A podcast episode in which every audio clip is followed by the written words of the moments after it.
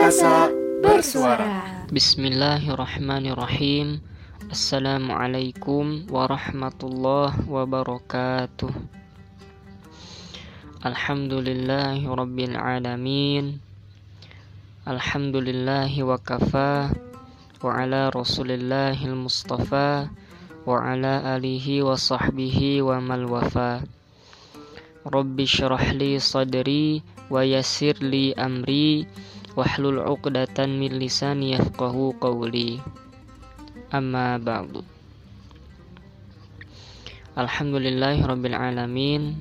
Teman-teman semua, uh, mari kita panjatkan puji dan syukur kita kehadirat Allah Subhanahu wa taala yang di mana atas segala limpahan karunia-Nya limpahan nikmatnya dan juga limpahan rahmatnya kita masih diberi kesempatan kita masih diberi kesehatan untuk bisa menjalankan segala aktivitas kita uh, sehari-hari ini ya. Baik dalam bentuk ibadah dan kegiatan-kegiatan lainnya. Dan alhamdulillah juga kita masih diberi kesempatan untuk bisa merasakan dan juga beribadah di bulan suci Ramadan tahun ini, tahun 1442 Hijriah. Tak lupa sholawat serta salam ya selalu kita curahkan kepada baginda besar Nabi Muhammad Sallallahu Alaihi Wasallam. Nabi yang paling mulia di antara nabi-nabi lainnya, Khatamul Anbiya, Sayyidul Anbiya, Nabi yang membawa Islam agama yang rahmatan lil alamin ini alhamdulillah bisa kita rasakan sampai detik ini. Tak lupa juga kepada para keluarganya, para sahabat, tabi'in, tabi'id sampai kepada kita selaku umatnya di akhir zaman. Amin ya rabbal alamin. Alhamdulillah teman-teman uh, mungkin sebelum masuk ke topik ya uh, saya memperkenalkan diri mungkin ya. Memperkenalkan diri terlebih dahulu uh, saya ya. Uh, saya nama saya Muhammad Alwi Nur Khalik um, saya alumni SMA Angkasa tahun 2020 jadi baru lulus tahun kemarin. Alhamdulillah insyaallah ya. Uh, insyaallah dalam um, kesempatan hari ini detik ini ya kesempatan sekarang gitu ya. Dalam media ini um, saya insya Allah mungkin akan sedikit uh, apa ya istilahnya sharing mungkin ya sharing melalui uh, media audio ini kepada teman-teman semua yang mendengarkan ya. Semoga um, apa yang saya sampaikan ini menjadi suatu hal yang bermanfaat ya.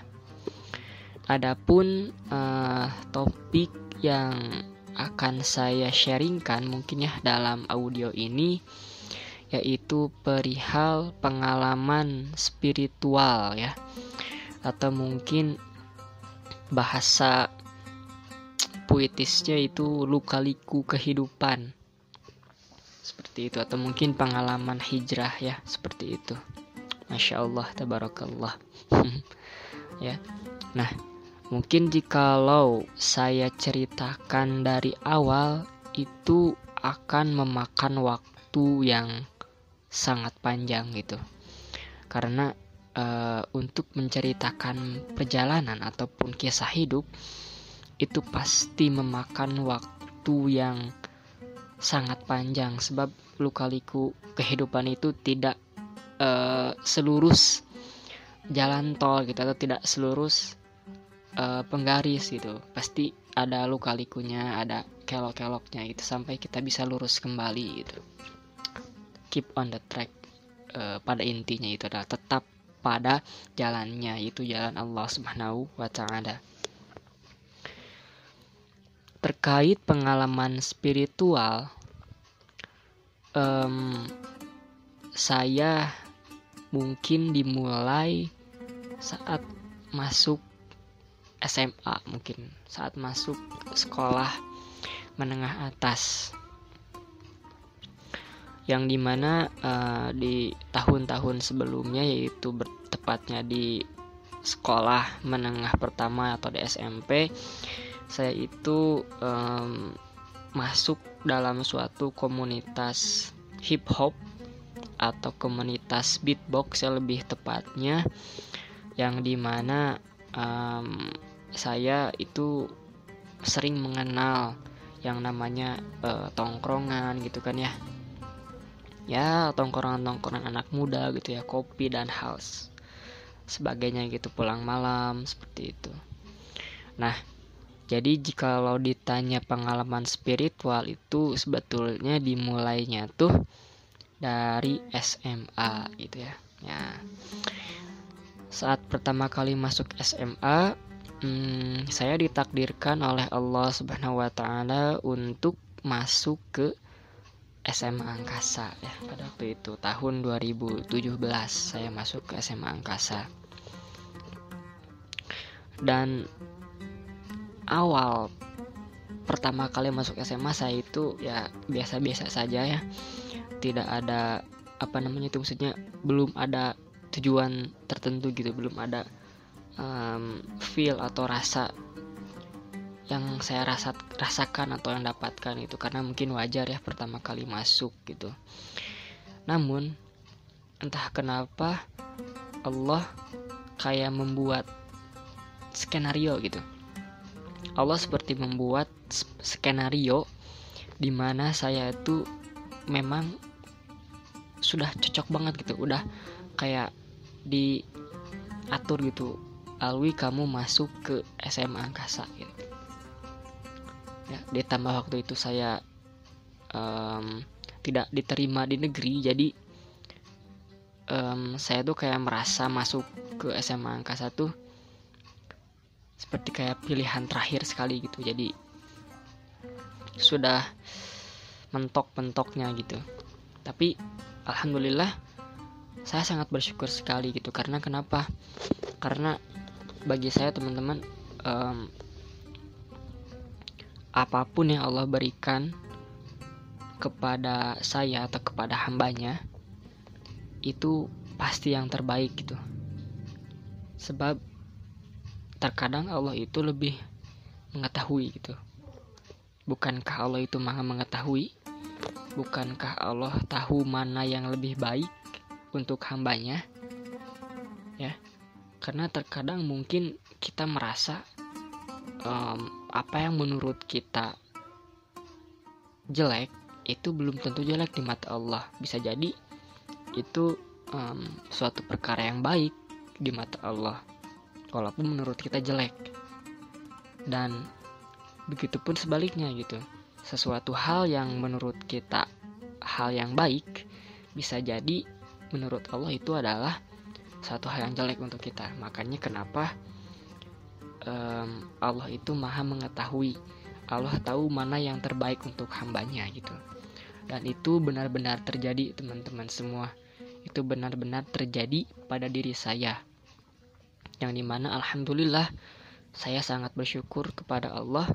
Allah memasukkan saya ke SMA Angkasa itu karena uh, setelah saya rasakan setelah saya lulus di SMA Angkasa saya sangat yakin bahwa memang benar gitu SMA Angkasa ini memang sudah ditakdirkan untuk saya dan SMA Angkasa ini sudah jadi pilihan terbaik bagi Allah untuk saya gitu. Ya. Nah baik lagi. Saat masuk SMA Angkasa saya diberikan pilihan gitu oleh sekolah waktu itu pada waktu itu untuk um, memilih ekstra kulit kuler gitu atau eskul ya dikarenakan wajib. Jadi um, setiap siswa itu harus punya satu eskul. Kalau nggak punya wajib kepramukaan ya pada waktu itu. Dan entah kenapa kedarullah saya masuk ke eskul rohis gitu ya rohis. Rohis. Itu pun dengan tujuan dengan niatan bahwa saya ingin santai-santaian lah gitu. Saya ingin um, apa ya rebahan gitu istilahnya. Karena menurut saya school rise itu ya school yang paling santai gitu. Karena kenapa? Pertama um, kita cukup datang duduk gitu ya terus ngaji mungkin atau baca Quran terus um, apalagi ya dengerin ceramah udah gitu. Nggak kepanasan nggak usah lari-lari gitu udah gitu. Jadi niatan saya awal saya masuk rohis itu karena ah santuy gitu ya. Eskulnya santai gitu adem. Ya jadi rohis aja lah gitu. Ya. Yang setelah saya memasukinya tidak seperti itu gitu kenyataannya. Ternyata rohis itu lebih dari itu gitu. Bukan sekedar ngaji bukan sekedar um, dengerin ceramah tapi banyak sekali hal manfaat dan keberkahan tersendiri gitu ketika saya masuk uh, eskul tersebut gitu. Dan pada waktu itu um, namanya itu eskul rohis di Semangkasa itu adalah uh, Kamusa ya keluarga muslim muslimah SMA Angkasa. Alhamdulillah saya masuk gitu. Dan mungkin ini gitu apa namanya uh, alasan Allah memilih saya masuk SMA Angkasa yaitu adalah untuk apa ya? Karena hmm, bagi saya masuk SMA Angkasa terus masuk Rohis itu seperti suatu apa ya? Penjemputan gitu teman-teman. Penjemputan hidayah dalam diri saya gitu. Di ditambah saya waktu itu galau gitu ya. Tidak masuk ke negeri ditambah saya basicnya anaknya hip hop banget gitu ya beatbox suka nongkrong malam ya gitu ya tau lah gitu. Nongkrong nongkrong anak muda ya kayak gitulah. Tapi saya dimasuk ke SMA Angkasa terus masuk Rohis gitu. Kan agak beda haluan gitu walaupun saya dulu uh, waktu kecil gitu ya pernah ngaji gitu segala macam gitu ya tidak menjamin gitu teman-teman. Ya dan akhirnya mungkin lanjut ya. Uh, akhirnya saya masuk rohis gitu. Nah kenapa saya bilang tadi saya masuk rohis itu sebagai penyebutan hidayah? Karena teman-teman uh, alhamdulillah uh, selang beberapa kali kumpul itu mulai ada perubahan dari saya gitu mulai dari sikap lalu uh, intensitas ibadah gitu ya. Mulai berubah gitu pada waktu itu. Dan entah kenapa gitu ya. Seperti saya tuh kayak di restart gitu. Kalau komputer tuh misalkan komputernya ngelag gitu atau udah um, kayak gitu ngelag gitu ya. Maksudnya udah error kan di restart tuh biasanya suka apa namanya tuh jadi bener lagi gitu atau jadi nggak nge-lag gitu atau misalkan e, komputer rusak di servis gitu nah saya tuh kayak gitu teman-teman. Jadi saya masuk Rise tuh kayak saya tuh kayak di refresh itu kayak di restart kayak di servis gitu. Entah kenapa gitu tiba-tiba mulai banyak perubahan-perubahan dalam diri saya. Dan ada satu momen penting yang mungkin tidak akan saya lupakan ketika di Rohis SMA Angkasa pada waktu itu yaitu saat kegiatan mentoring di mana mungkin inilah titik awal atau poin awal saya itu merasakan perubahan merasakan uh, artinya atau apa ya keindahan Islam itu atau momen kenikmatan iman itu seperti apa gitu. Di mana pada waktu itu saya mentoring dan mentor saya um, bilang seperti ini ke saya bahwa beliau bilang Islam itu adalah agama yang uh, damai gitu. Agama yang indah. Dan bahkan kata beliau Allah subhanahu wa ta'ala mengampuni semua dosa. Ya. Pada waktu saya bingung gitu. Allah mengampuni semua dosa. Bukannya Allah mengampuni eh maaf maksudnya bukannya Allah itu tidak mengampuni dosa musyrik syirik gitu ya atau durhaka kepada orang lain? Nah saya mikirnya ke situ gitu. Tapi um, alhamdulillah ternyata beliau menjelaskan kembali gitu. Dalam Quran surah Az-Zumar ayat ke-53 Allah Subhanahu wa taala berfirman A'udzu billahi minasyaitonir rajim Qul ya ibadiyalladzina asrafu ala anfusihim la taqnatu min rahmatillah innallaha yaghfiru dzunuba jami'a innahu huwal ghafurur rahim Sadaqallahul azim al-ayah Kata Allah Wahai hamba-hambaku yang melampaui batas Atau sampaikanlah kepada hamba-hambaku yang melampaui batas. Jadi kata Allah tuh Sampaikanlah ke hamba-hambaku yang banyak dosa gitu. Tapi Allah nyebutnya nggak Hai orang-orang berdosa itu Wahai orang-orang yang sering maksiat Hai orang-orang yang sering minum khamar kayak gitu. Tapi Allah nggak bilang kayak gitu Allah nggak bilang kayak gitu gitu. Allah bilangnya hal yang melampaui batas. Jadi lembut banget gitu Allah um, bilang ke hambanya yang banyak dosa gitu. Jadi bayangin aja gitu teman-teman. Ke orang yang banyak dosa aja uh, Allah masih lembut. Apalagi ke orang yang taat gitu kan ya. Sebaik apa gitu ke orang yang taat? Ke orang yang uh, apa namanya tuh banyak dosa aja gitu. Allah masih ampunin. Terus kata Allah la taqnatu min rahmatillah. Janganlah berputus asa dari rahmat Allah. Maksudnya kata Allah jangan khawatir jangan bimbang jangan galau gitu. Mau dosa kalian sebesar langit dan bumi atau sebanyak buih di lautan maka ingatlah bahwa ampunan Allah atau maghfirah Allah itu jauh lebih besar dibandingkan dosa kalian. Sehingga ketika kita bersungguh-sungguh tidak berputus asa dari rahmat Allah maka kata Allah innallaha yaghfiru dzunuba jami'a. Maka Allah akan mengampuni semua dosa kalian gitu. Asalkan kita sungguh-sungguh bertobatnya gitu. Tidak tidak mengulanginya dan meninggalkannya secara pasti secara sungguh-sungguh gitu.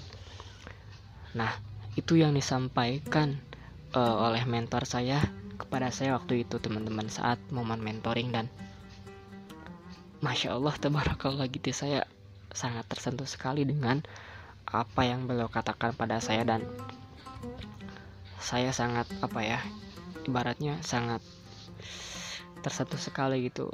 Sampai ya adalah gitu momen saya merenung uh, menangisi diri saya sendiri gitu. Kok saya baru tahu ya gitu. Kok saya baru ngeh ya ke mana aja sih saya gitu ya. Bahwa ternyata ada loh apa namanya itu kegiatan-kegiatan yang indah ini gitu. Nah jadi setelah di situ uh, alhamdulillah saya mulai berpikir saya mulai merenung gitu bahwa tujuan hidup kita ini mau dibawa ke mana gitu. Visi misi hidup kita ini harus dibawa ke mana gitu. Karena pada hakikatnya setiap manusia itu memiliki tujuan hidupnya masing-masing gitu. Dan tujuan hidupnya ini sudah ter apa ya sudah tertera gitu sudah tercatat. Dan sudah harus dijalankan oleh setiap manusia tentunya oleh seorang muslim gitu. Apalagi seorang muslim jadi harus punya tujuan gitu. Dan alhamdulillah setelah saya ikutan uh, rohis ini saya beberapa waktu beberapa lama saya mulai menemukan jati diri saya yang baru gitu. Saya mulai menjadi pribadi yang um, lebih baik lagi. Saya berusaha untuk menjadi orang-orang yang bermanfaat bagi orang lain gitu ya. Saya mulai meningkatkan intensitas ibadah saya. Saya mulai mempel banyak mempelajari banyak hal gitu. Dan alhamdulillahnya tuh um, uh, apa namanya itu ya bidang keilmuan saya pun mulai terasah lagi gitu bukan hanya sekedar ilmu-ilmu umum itu tapi ilmu agama ilmu agama pun saya mulai banyak mempelajari itu saya mulai belajar Al-Qur'an saya mulai menghafal Al-Qur'an alhamdulillah. Dan um, banyak hal lainnya gitu mulai dari public speaking lalu e, cara berdakwah bagaimana cara apalagi ya cara e, pokoknya bidang-bidang keilmuan Islam tuh saya mulai belajar lah intinya kayak gitu setelah masuk di Royce ini tuh gitu. Dan ber, dan dan berorganisasi pun belajar juga ada juga di sana gitu. Jadi banyak hal yang saya dapatkan di Rohis gitu. Di Rohis SMA saya ini.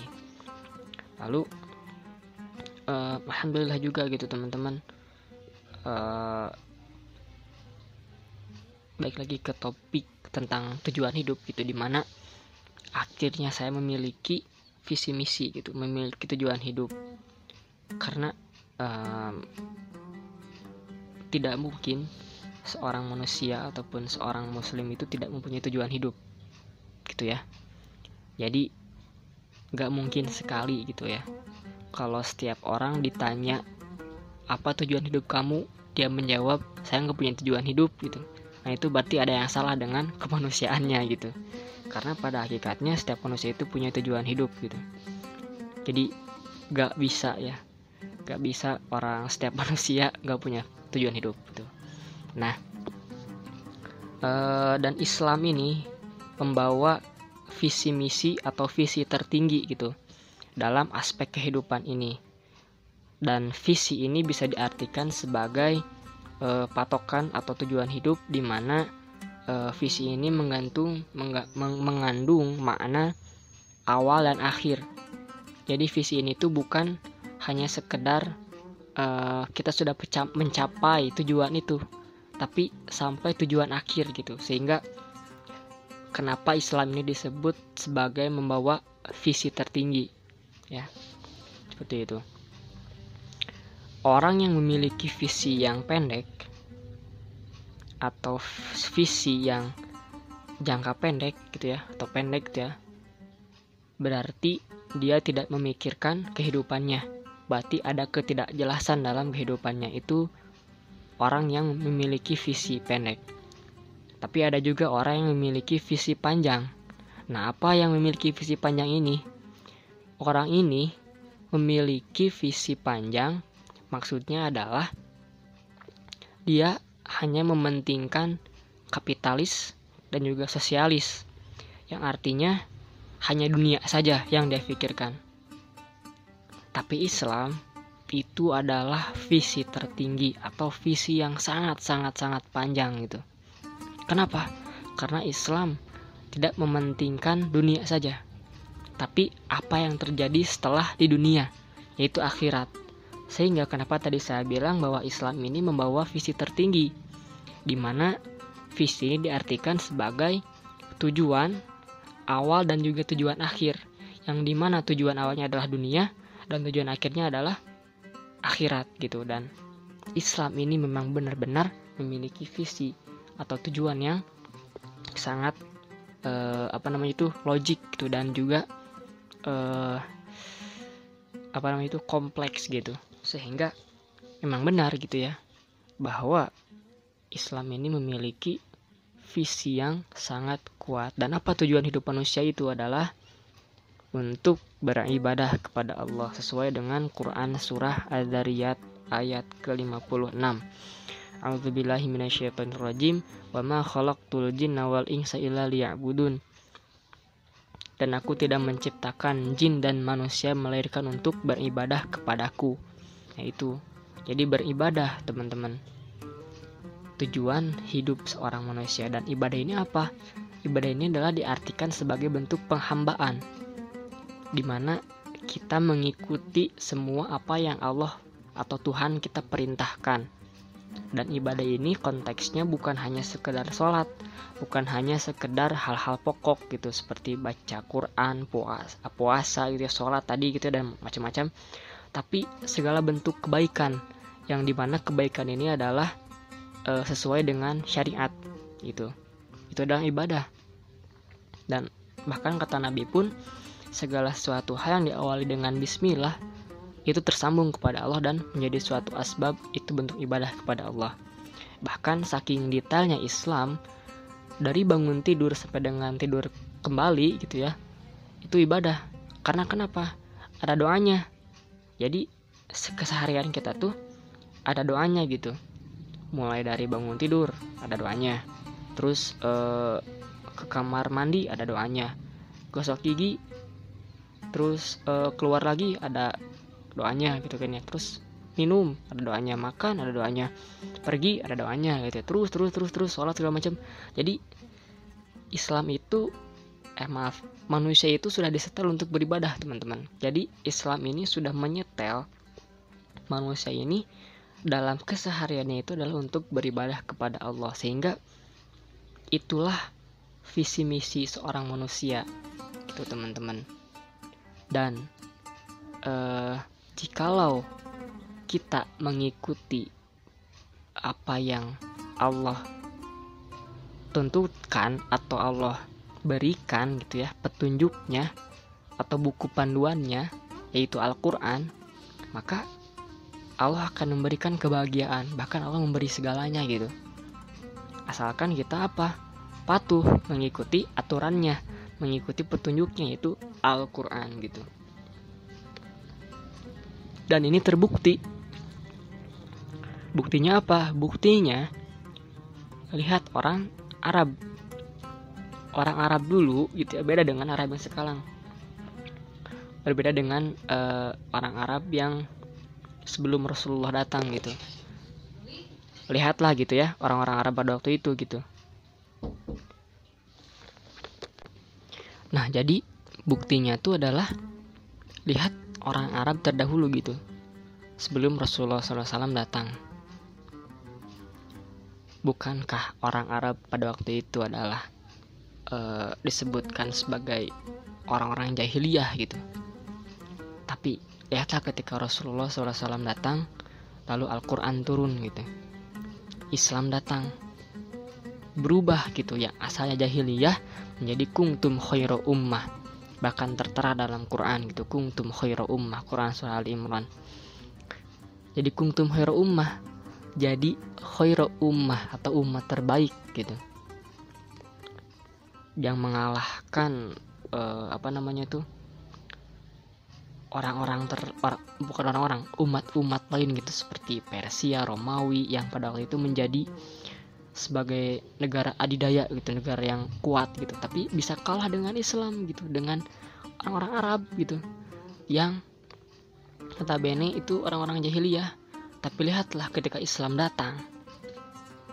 Ketika Al-Quran datang ketika Rasulullah SAW datang maka berubah gitu. Karena kenapa? Karena mereka mengikuti petunjuk. Petunjuk siapa? Petunjuk Rabbul Alamin. Petunjuk Allah Subhanahu Wa Taala sehingga akan diberi segalanya akan diberi kebahagiaan akan diberi kesejahteraan gitu. Nah makanya eh, alhamdulillah gitu saya bisa menemukan suatu visi suatu tujuan hidup. Saya ini akan dibawa ke mana gitu. Seperti itu.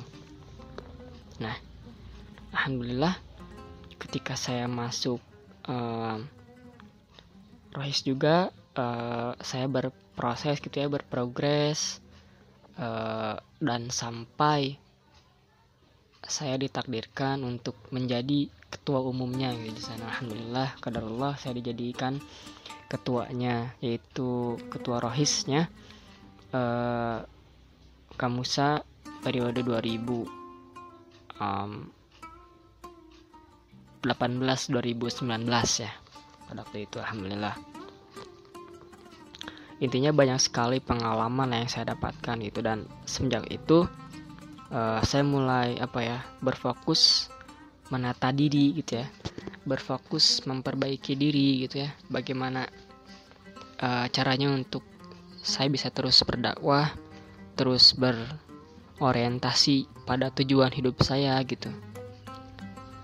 Supaya saya bisa berdedikasi untuk menjadi uh, apa ya orang yang bermanfaat gitu di satu sisi saya juga uh, ingin menjadi seorang hafiz Quran. Alhamdulillah saya menghafal Quran. Saya menghafal Quran dari kelas 10 SMA jadi baru ya. Namun alhamdulillah saya tidak merasa malu gitu karena tidak ada kata malu ya untuk belajar terus menerus gitu. Intinya uh, perjalanan baru gitu new journey atau hijrah saya itu dimulai ketika SMA kelas 10 gitu. Dan tadi gitu saya sudah saya sebutkan saya menemukan visi saya gitu. Saya menemukan visi hidup saya gitu bagaimana. Dan itu saya temukan di SMA gitu. Di SMA Angkasa. Makanya bagi saya SMA Angkasa itu ya spesial sekali gitu. Maksudnya ya memorable gitu. Tidak tidak akan pernah saya lupakan tidak akan uh, ya pokoknya the best lah gitu. Saya sangat bersyukur sekali bisa uh, berdedikasi gitu belajar ya sama angkasa gitu. Dan alhamdulillah uh, selepas saya lengser dari uh, organisasi saya pun banyak belajar juga ya. Saya ikutan pembinaan tahfiz di Masjid Al-Latif e, bagaimana cara menghafal Quran, cara ya pokoknya pembinaan Al-Quran lah di sana. Terus juga saya ikutan eh, lomba-lomba Islam ya, baik itu lomba dakwah, lomba e, membaca Al-Quran. Alhamdulillah pernah mendapatkan juara juga. E, intinya banyak lah gitu perubahan-perubahan dan manfaat dan keberkahan, ketenangan, kejernihan, kenyamanan gitu ya. Pokoknya banyak gitu ketika kita sudah apa ya berfokus untuk berhijrah gitu. Berfokus untuk menjadi diri yang lebih baik. Karena ketika Allah menginginkan hambanya berubah maka cepat-cepatlah gitu ambil hikmah atau hidayah itu gitu karena kenapa ya? Karena gitu pasti gitu bagi teman-teman. Ketika kita lebih mementingkan Allah dari hal-hal lain maksudnya konteksnya dunia gitu pasti Allah akan memberikan dunia itu kepada kita gitu. Sebab yang punya dunia itu Allah. Yang punya ilmu itu Allah. Allah maha kaya Allah maha pemberi gitu. Jadi kita nggak usah khawatir gitu. Nggak usah khawatir dengan permasalahan kita. Ketika kita uh, dalam diri kita ada hasrat atau tersirat ingin berubah ingin menjadi lebih baik lagi maka segeralah gitu segeralah ambil itu segeralah untuk berubah. Karena itu adalah momen-momen paling krusial gitu sehingga tidak bisa kita abaikan tidak bisa kita uh, biarkan saja itu harus kita segera ambil gitu. Sebab Allah akan pasti memberi rasa sa'idun gitu kepada kita. Kebahagiaan. Pasti itu. Pasti. Dan Allah pasti akan mengabulkan apa yang kita pinta itu. Jadi yakin banget kepada Allah gitu. Itu sih uh, terkait apa ya pengalaman saya di spiritual saya gitu sampai sekarang. Dan alhamdulillah sekarang pun um, sekarang masih saya uh, berdedikasi untuk dakwah. Saya di sekarang ditakdirkan Allah swt untuk berkuliah ya. Alhamdulillah diberi kesempatan untuk berkuliah di Universitas Islam Negeri Sunan Gunung Jati Bandung jurusan manajemen uh, alhamdulillah sangat apa ya sangat luar biasa sekali gitu. Sangat uh, apa ya bersyukur gitu bisa berkuliah di sana gitu. Karena itu salah satu cita-cita saya juga. Saya ingin melanjutkan dakwah saya saya ingin terus melanjutkan pembelajaran agama saya gitu. Tentunya di Universitas Islam gitu di mana wadahnya gitu insya Allah sekarang pun saya ikutan organisasi juga organisasi pengembangan tilawah Quran di mana berfokus pada pembinaan Al-Quran dan juga pun saya mengikuti komunitas-komunitas uh, dakwah. Alhamdulillah. Jadi intinya teman-teman uh,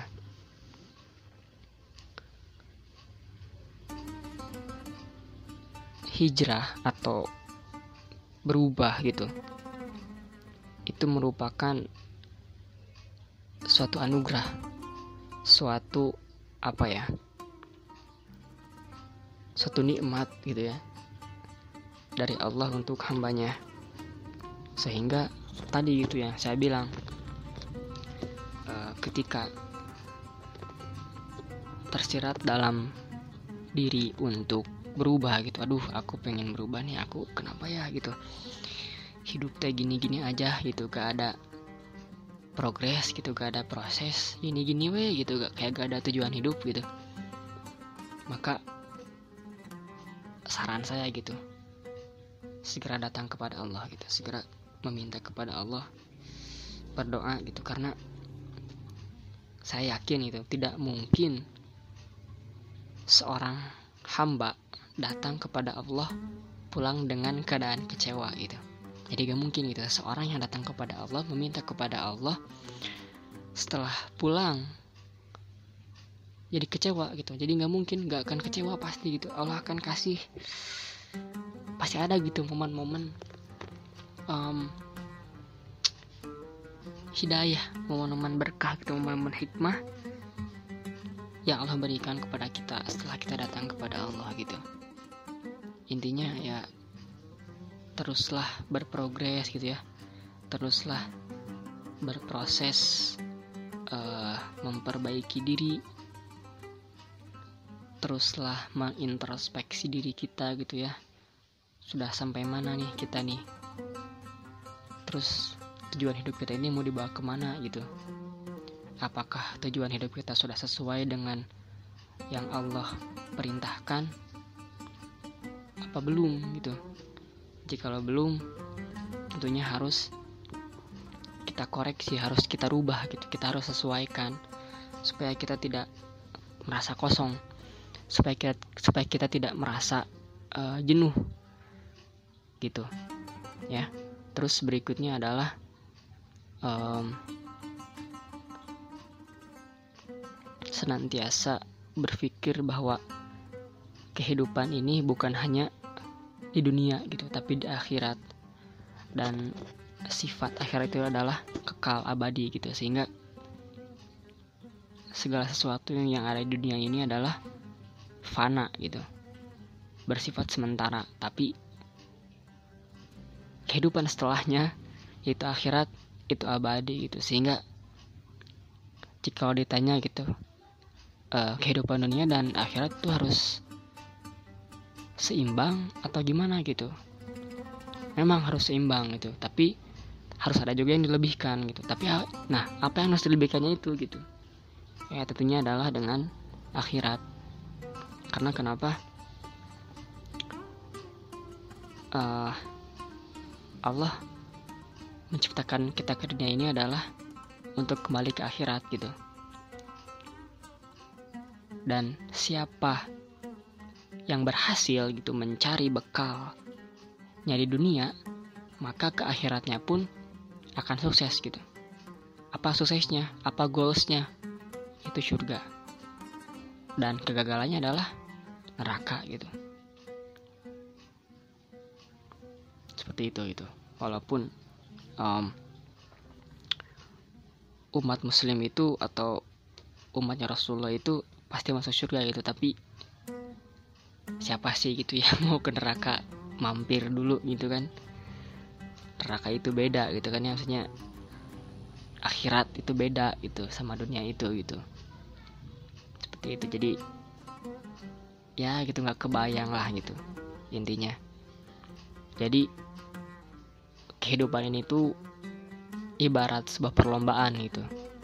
Siapa yang mempersiapkannya dengan baik siapa yang berikhtiar dengan baik maka dia pun akan jadi juara gitu akan jadi pemenang akan mendapatkan hasil terbaik gitu dalam Quran surah Al-Mulk ayat kedua Alladzi khalaqal mauta wal hayata liyabluwakum ayyukum ahsanu amala.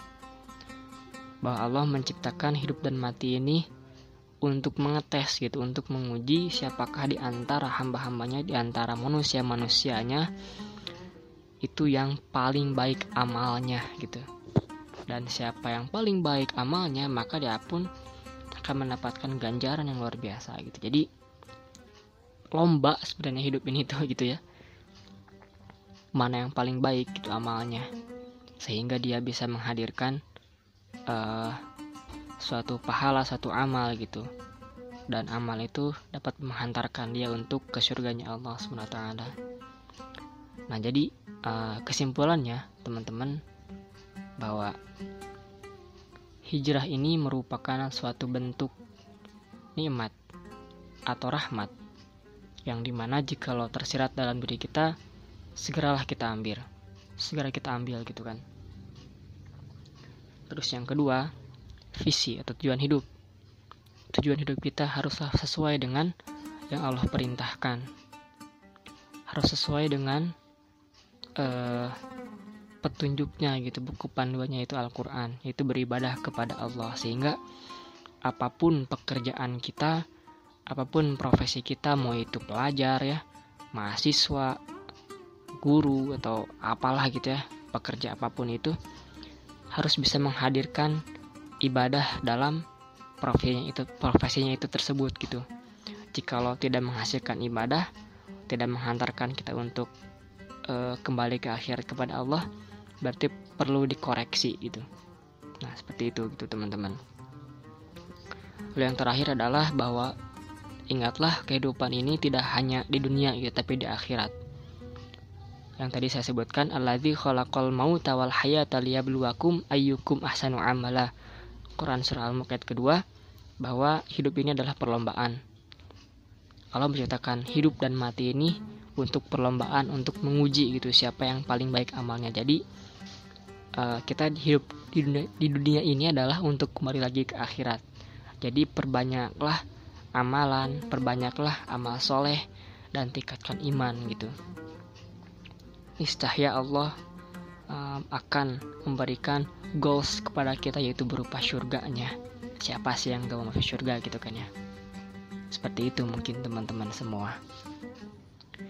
Nah, uh, mungkin barangkali itu saja mungkin yang bisa saya sampaikan mungkin ya dalam uh, momen sharing ini semoga dapat diambil hikmahnya dapat diambil uh, pelajarannya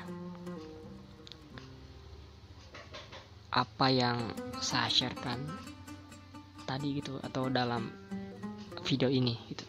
Dalam maaf bukan video uh, audio ini gitu. Insya Allah nah mungkin itu saja mungkin yang bisa saya sampaikan ya.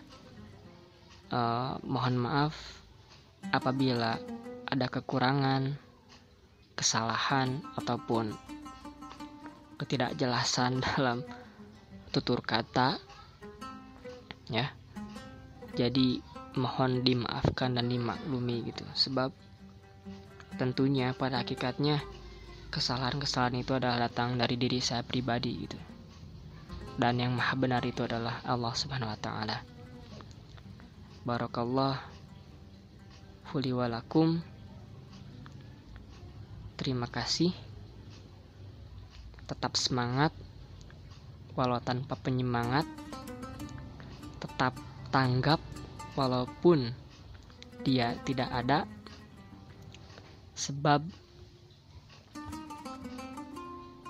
setiap makhluk itu akan ditinggal saat sedang sayang-sayangnya gitu maksudnya itu adalah satu bentuk gitu bahwa kita harus mengharapkan Allah kita harus mengandalkan Allah dalam segala hal ya terima kasih syukron kafiran jazakumullahu khairan kafiran semoga uh, audio ini berkah ya buat teman-teman semua manfaat Sekali lagi mohon maaf apabila ada kesalahan tutur kata. Sekian dari saya. Akhirul kalam. Wabillahi taufiq wal hidayah. Assalamualaikum warahmatullahi wabarakatuh. Simak terus informasi bermanfaat, berbagi ilmu, pengalaman, motivasi, dan informasi penting lainnya yang positif dan inspiratif dari SMA Angkasa Lanud Hussein Sastra Negara Bandung.